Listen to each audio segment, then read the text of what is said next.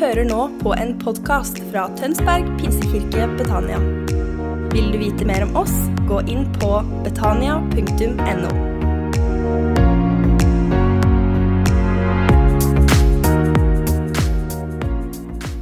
Dårne litt til. Vi takker deg, Herre, for at du er her. Takk, Jesus, at du er her midt iblant oss. Vi er her for å høre ditt ord, og vi ber om at alt som skjer i dette møtet og i våre liv, at det skal være til ære for ditt navn, Jesus. Og at ditt navn skal løftes opp i alle ting som skjer med våre liv, Herre. Det ber vi om i Jesu Kristi navn. Og alt folket sa? Amen. Da kan du få sitte ned.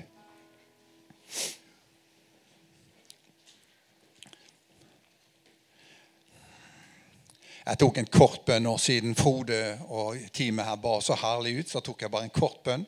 Da var det klart. Eh, herlig lovsangsteam.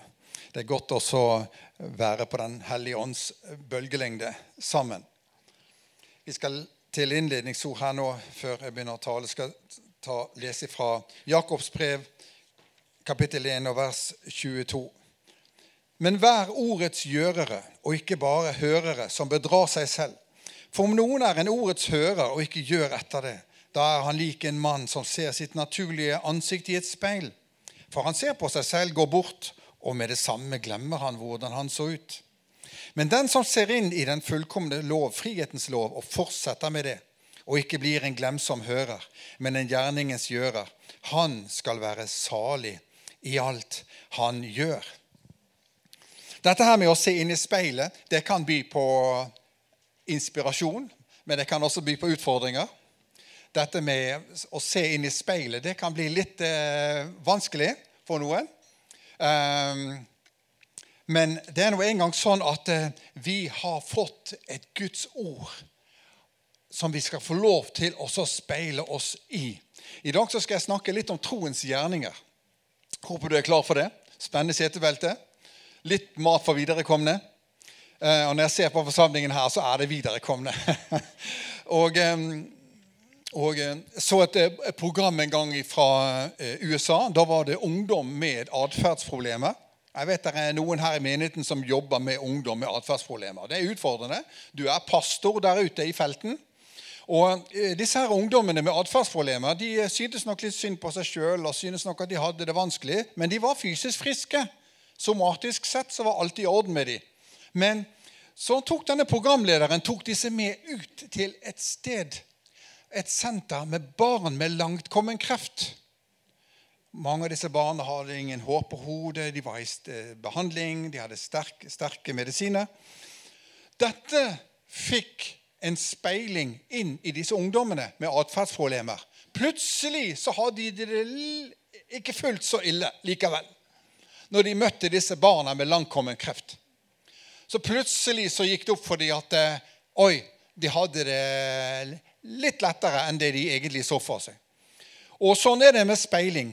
Vi utfordres, vi korrigeres, vi justeres. Men noe av det beste med speiling, som vi leser her, det er det at vi får tilført nye sannheter. Vi får tilført nye innspill. Vi får tilført en høyere sannhet om oss sjøl. Speiling er mer enn noe korrigerende. Speiling er også positivt.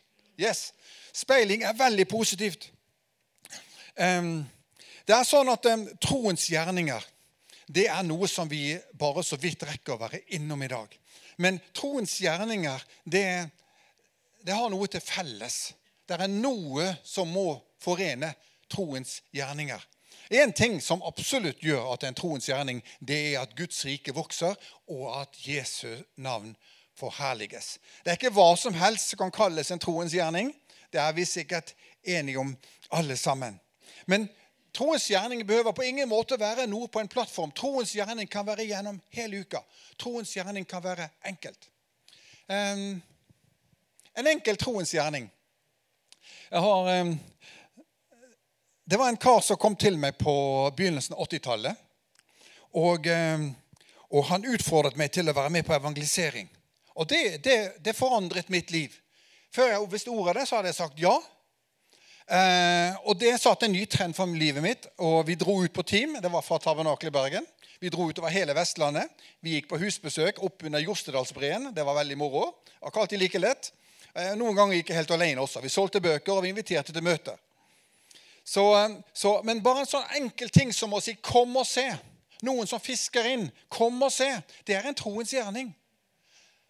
Ja, og den karen han er for synet med her i dag. Ragnar Selstø, du er her. Du må reise deg. Ja, gi han en klapp. Ragnar og familien de har nettopp meldt seg inn i Betania. Men det var Ragnar det var han som kom til meg og sa 'Bli med'. Husker du det, Ragnar? Begynner å bli en stund siden. Men altså, tenk det. At, at det skulle forandre mitt liv så veldig. At noen vågde å gi meg litt uro. Og gi meg litt sånn, liten sånn dytt i ryggen. For vi trenger en dytt i ryggen og et spark bak iblant fordi at vi er litt trege. Vi er litt for sofne. Sant? Vi har sett for mye på eh, reklamen 'Uten Kims, ingen kos'. Sant? Og vi vil gjerne ha litt Kims og litt kos. Og så kommer noen da og dytter oss litt i ryggen og sier 'Nå er det tid for stå opp'. Nå er det tid for å gjøre noe. Og, eh, men, men, troens gjerning den kan vise seg på så veldig mange måter. Og, og Vi skal være åpne for dette. her. Fordi at eh, Når vi ser oss inn i speilet fra Guds ord, så blir vi en gjerningens gjører. Du har sikkert hørt den herlige sangen fra 80-tallet. Wenche Baksvær og, og Torbjørn Baksvær som sang det. At 'jeg vil ikke være en glemsom hører, jeg vil være en gjerningenes gjører'. Og Det er så deilig, fordi at eh, man står i fare det er ikke mine ord, men man står i fare for å bedra seg sjøl, for å lure seg sjøl, hvis man bare hører og ikke gjør. Ja. Eh, det sies at i Asusa Street-vekkelsen som, eh, som, du kan lese om i en bok som du får på bibelbutikken. Jeg har kjøpt den boka, og Der står det faktisk at hvis du ba for noen som satt i rullestol i Asusa Street for over 100 år siden i California, og du lot være å åpne fotbøylet sånn at de fikk beina ned på gulvet, da lo de av deg. Sånn var det i Asusa Street-vekkelsen. Der var de så fokusert på at alt du gjør, må være en troens gjerning. Ja, Så de lo av deg, og de fniste av deg hvis du ba for noen som satt i rullestol uten å løsne fotbøylen. Altså, Du må være klar for et Guds under, og det kan skje før du vet ordet av det. Ja. så Ja. Så da, da, da, da fikk de den også. Løsne fotbøylen for all del før du ber. Vi er fortsatt i, i, i starten her. Vi eh, skal eh, se på Lukas kapittel 3 eh, og vers 10. Der, der, kommer folk til døperen Johannes, og de eh, tenker det samme. Hva skal vi gjøre? De kommer til døperen Johannes og vil ha et råd. Og det er best vi lytter litt til døperen Johannes, fordi Jesus han sa det, han er det største mennesket som har levd. Og Da er det greit å lytte til sånne. Og De kommer til døperen Johannes, og, og de sier Så spurte folket ham og sa, 'Hva skal vi da gjøre?' Altså, Hva er de gjerningene vi kan gjøre, for vi ønsker å være Gud til behag? Han svarte og sa til dem, den som har to kjortler, skal dele med den som ikke har noen. Og den som har mat, skal gjøre på samme måte. Og nå begynner vekkelsen å bre seg, for nå kommer også tollerne. Og tollerne de sier vi vil bli døpt. Hva skal vi gjøre?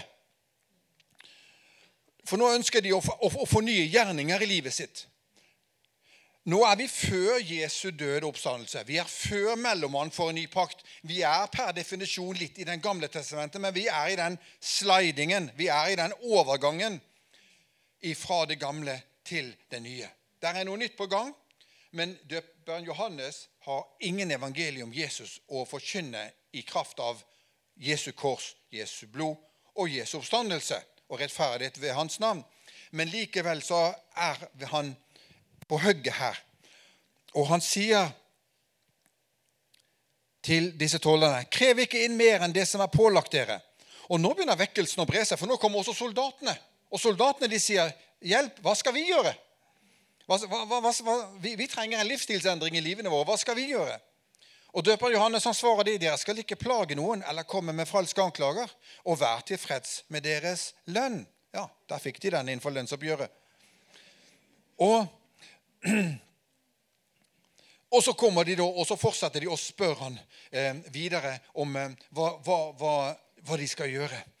Um, vi kan, før, før, vi går inn i Det nye det så kan vi også ta med um, et ord som Daniel gir noen hundre år før dette.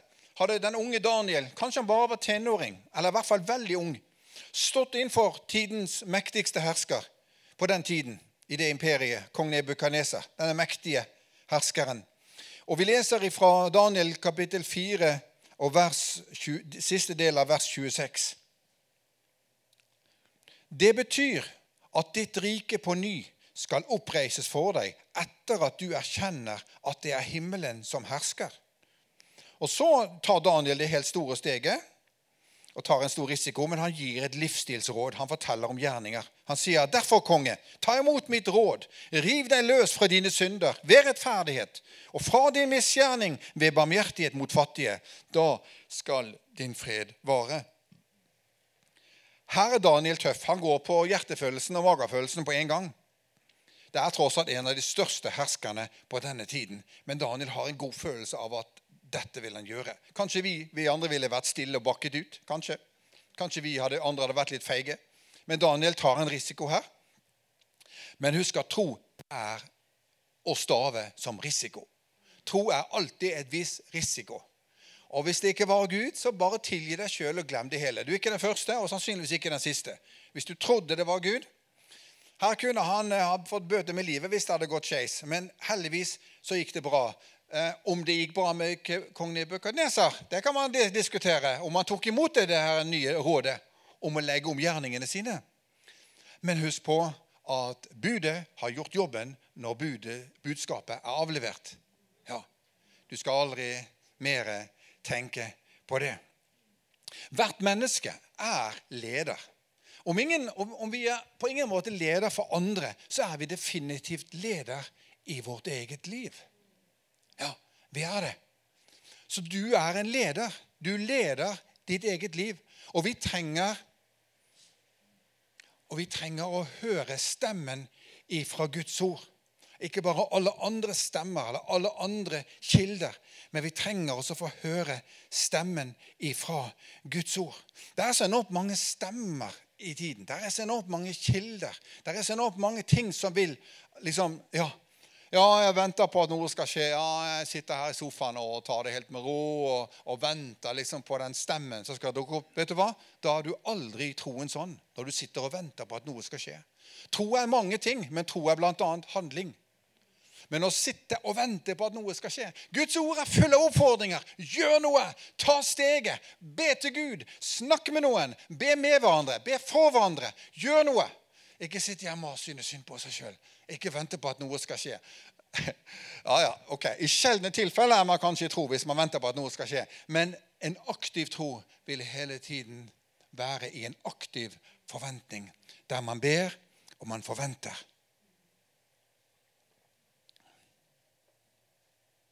Jesus han møter også spørsmål.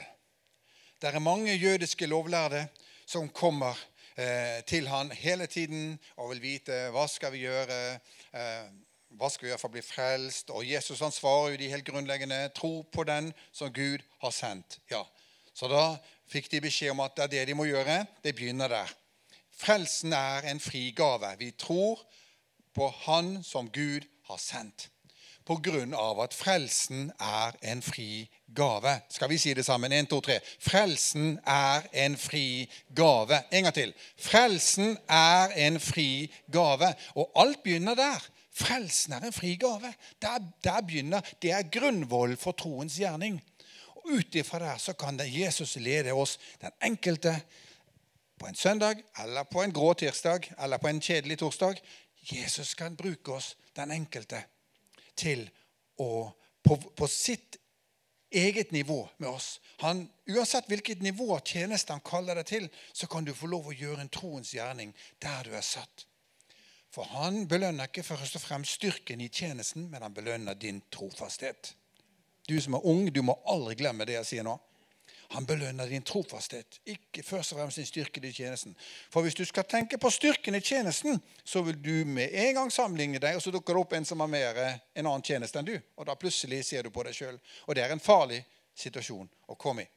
Så vi skal få lov til å ha blikket på Jesus og være trofast mot han på den måten han kaller oss og leder oss og bruker oss. Yes. Um, du har sikkert hørt det. Ja, Du som har tilbrakt noen år i kommentarfeltet, du har sikkert fått denne der slengt imot deg. 'Å ah, ja, dere kristne, dere troende, dere er bare sånne der moralister.'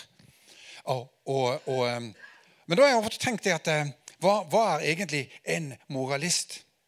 Jo, en moralist det, det, er sikkert flere definisjoner på det, men den beste definisjonen jeg sjøl har hørt, og som jeg sjøl lever eh, etterfortolker som, det er at en moralist det er en som viser en vei han sjøl ikke går.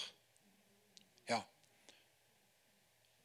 Og Det skulle være unødvendig å si at eh, svogeren til moralisten han heter Hykler. Ikke sant? Ja, Søskenbarnet heter Hykler. Og um, Jesus han frir oss ut fra moralisme på sin egen måte. Fordi at det dårligste alternativet det er å slå av litt på idealet. Men det beste alternativet, det er å være et eksempel. Å være et forbilde. Den beste medisin mot moralisering, det er å sjøl være et forbilde i troens gjerning. For når vi er forbilder, så er det vanskeligere å drive med moralisering.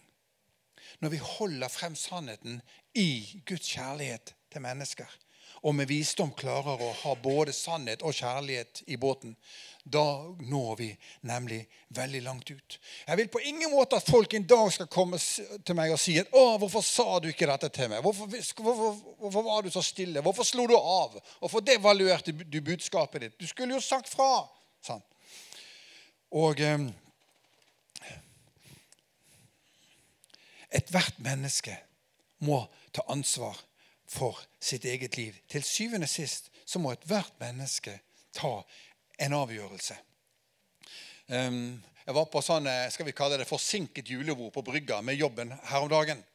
Og Da var det en, eh, en kar der da, som, eh, som, liksom tok litt over kveld. og det var kanskje litt, Han var sikkert litt påseilt, ikke bare litt heller.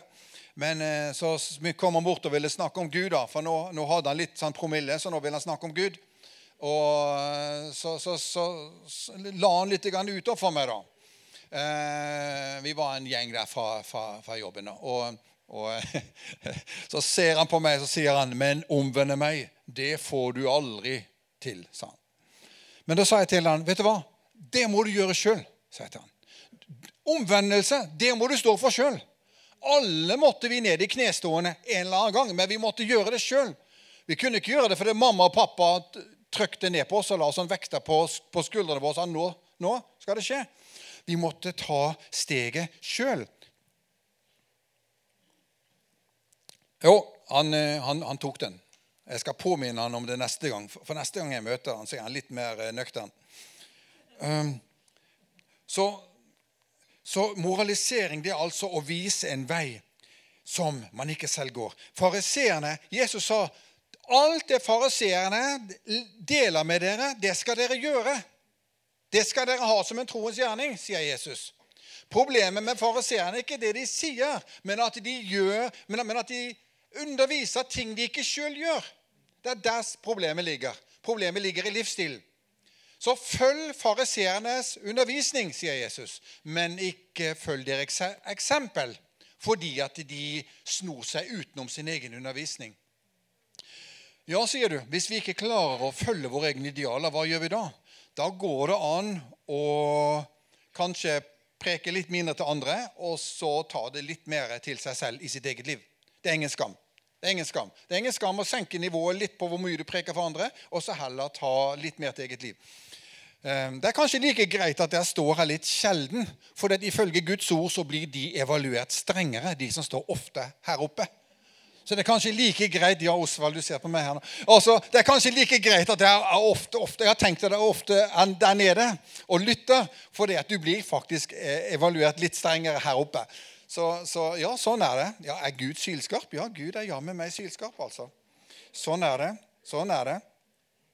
Så, så det er godt å ha denne medisinen, medisin, nemlig å kunne være et eksempel. Tenk på den gangen når Jesus inviterer seg sjøl hjem til Sakkeus. Jesus er relasjonell. Og så sier han, 'Sakkeus, jeg har lyst til å bli med deg hjem.' Ja, Det er, det er, det er litt hyggelig når du kan si, invitere deg sjøl hjem til folk. Noen ganger er det freidig, mens andre ganger funker det. Så jeg blir med deg hjem, Sakkeus. Men, men, så har de en samtale, og så ber de sammen. Og så sier Sakkeus at 'nå vil jeg gjøre nye gjerninger'. Nå, nå, nå, skal jeg slutte med utpressingen. Nå skal jeg slutte å være korrupt. Nå skal jeg slutte å ta fordeler. Nå har jeg lyst til å legge om. Merk deg at først på dette tidspunktet, når, når, når Sakkeus sier at 'jeg vil betale tilbake' de som jeg har presset for penger det er litt snodig. Nå på morgenkvisten var det en som betalte meg tilbake. Noe penger jeg hadde gitt opp å få. Men iblant så får folk et styng i sin samvittighet, og så betaler de tilbake. Um, først på dette tidspunktet så sier Jesus i dag er frelse kommet til dette hus. Ja. Frelse, det er så mangt. Det var jo ikke noe frelse i Kristus Jesus snakket om, men han sa i dag er frelse, altså Guds inngripen, en ny vei, en ny livsstil og nye troens gjerninger kommet til dette hus. Fordi han så gjerningene, eller han hørte at nå skal det komme noe nytt her. Og Da bekrefter Jesus den nye veien Sakkeus har kommet inn på. Og La oss gjøre det. La oss bekrefte hverandre. Mange sliter med identitetsproblemer. Og, og La oss være med og bekrefte hverandre, anerkjenne hverandre og løfte hverandre opp, sånn at vi kan si i dag, nå, nå ser jeg det. Nå ser jeg en ny vei. Nå ser jeg at det skjer noe i livet ditt. Å, så herlig. Og så er vi med og bekrefter hverandre lite grann. Etter en skjelvende start så kommer vi i gang. Du vet, lunkenheten, den advarer Gud mot oss mot. Lunkenheten sin stemme, den er som følger jeg velger å ikke gjøre noe. Jeg velger å holde meg ro. Jeg velger å holde meg stille og bare la være å gjøre noe. Og så vil ting sikkert ordne seg uten at jeg viser noen vei. Det er en farlig greie, og det kalles lunkenhet. Så det er en av disse stemmene til lunkenheten. Jeg velger å ikke gjøre noe. Det var noen som kom til Jesus og spurte, 'Herre, hvem er min neste. Hvordan kan vi praktisere nestekjærlighet? Nestekjærlighet er et universalt språk. Det funker i hele verden, i motsetning til norsk. Men nestekjærlighet det fungerer overalt i verden. Og så vet vi da at Jesus svarer på spørsmål om nestekjærlighet med en lignelse. To gikk forbi, én stoppet opp. Og når denne her blødende, forslåtte mannen i veikanten ser den barmhjertige samaritanen, så tenker han kanskje ah, alt håp er ute. Jeg hadde håpet på de to andre, men han som kommer nå, er fra en annen etnisk gruppe. Nå kan jeg i hvert fall glemme håpet om å få hjelp. Men da er det at eh, han bøyer seg ned, og vi kjenner historien. Han tar han med til et sånt gjestehus, og så gjør han noe. Dette er en troens gjerning. Og så betaler han to denarer. Dette her er interessant. Han betaler to denarer i forskuddsbetaling. Og vet du hva? En denar, hva var det på den tiden? Jo, det var en helt vanlig dagslønn.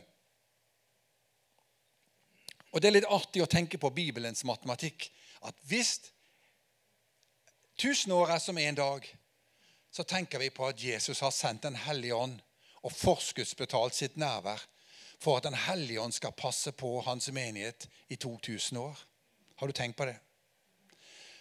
Så det kan tenkes at dette kan være en, en, en velsignelse som Jesus deler ut her, nemlig at han får to denarer i forskudd. Og skulle det bli lagt til mer tid, litt overtid, så skal han komme tilbake og betale enda mer, sier han. Et sterkt vitnesbyrd, et sterkt forutvarsel om Jesu komme.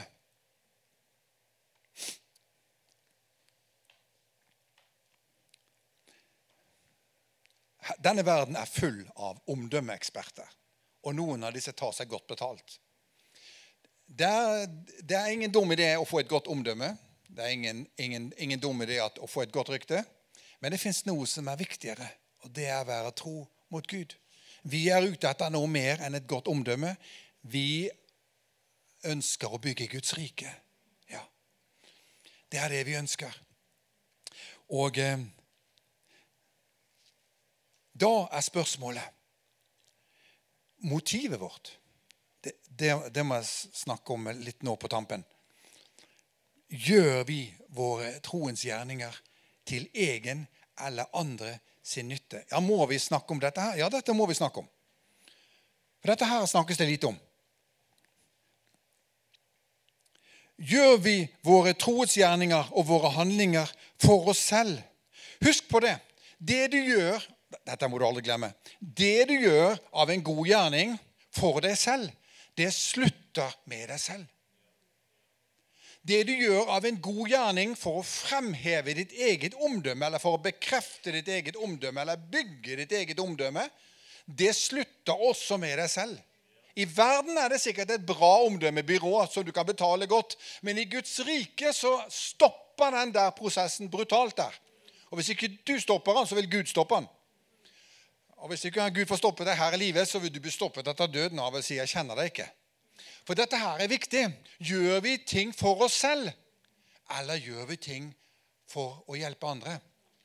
For det vi gjør for oss selv, det stopper med oss selv. Men det vi gjør for disse våre minste, det gjør vi for Jesus. Wow! Det vi gjør for disse våre minste, det gjør vi for Han. Ja.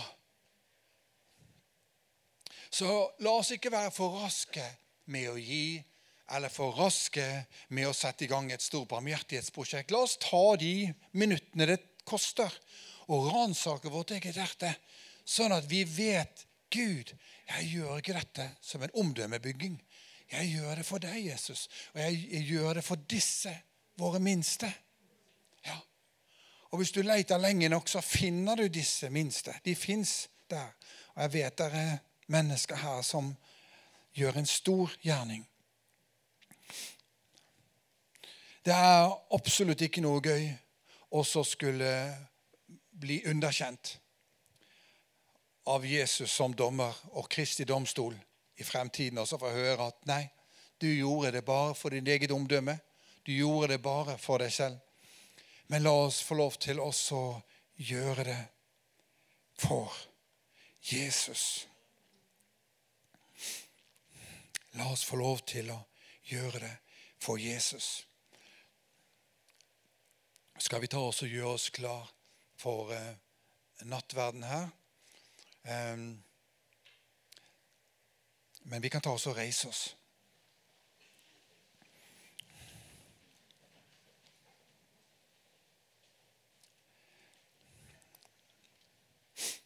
Takk, Jesus, at du er her. Takk for at du er mektig, Herre. Takk for at du har gitt oss din store nåde. Takk for at du lærer oss, Herre. Og vi vil fortsette å be deg, Herre. Lær oss. Lær oss dine gjerninger. Lær oss å se inn i din fullkomne lov. Lær oss dine veier. Lær oss dine troens gjerninger. Før oss på dine veier. Og vi ønsker bare å bruke denne nattverdsstunden nå, Herre, til å løfte frem en ny pakt i ditt blod, og til å løfte frem at vi er ett med hverandre og med hvert Guds barn på denne jord. Og vi ønsker oss å si ha din vei, Herre, med resten av våre liv, Herre. Med resten av våre liv, Herre. La oss få gjøre alt til din ære. La oss få gjøre alle ting under resten av våre liv til din ære. Sånn at vi følger dine veier. Sånn at vi følger dine Sånn som du har satt tingene og bestemt tingene, Herre. Det ber vi om, Herre. Det ber vi om, Herre. La ditt navn løftes opp, Herre. La ditt navn æres i Jesu Kristi navn. Amen.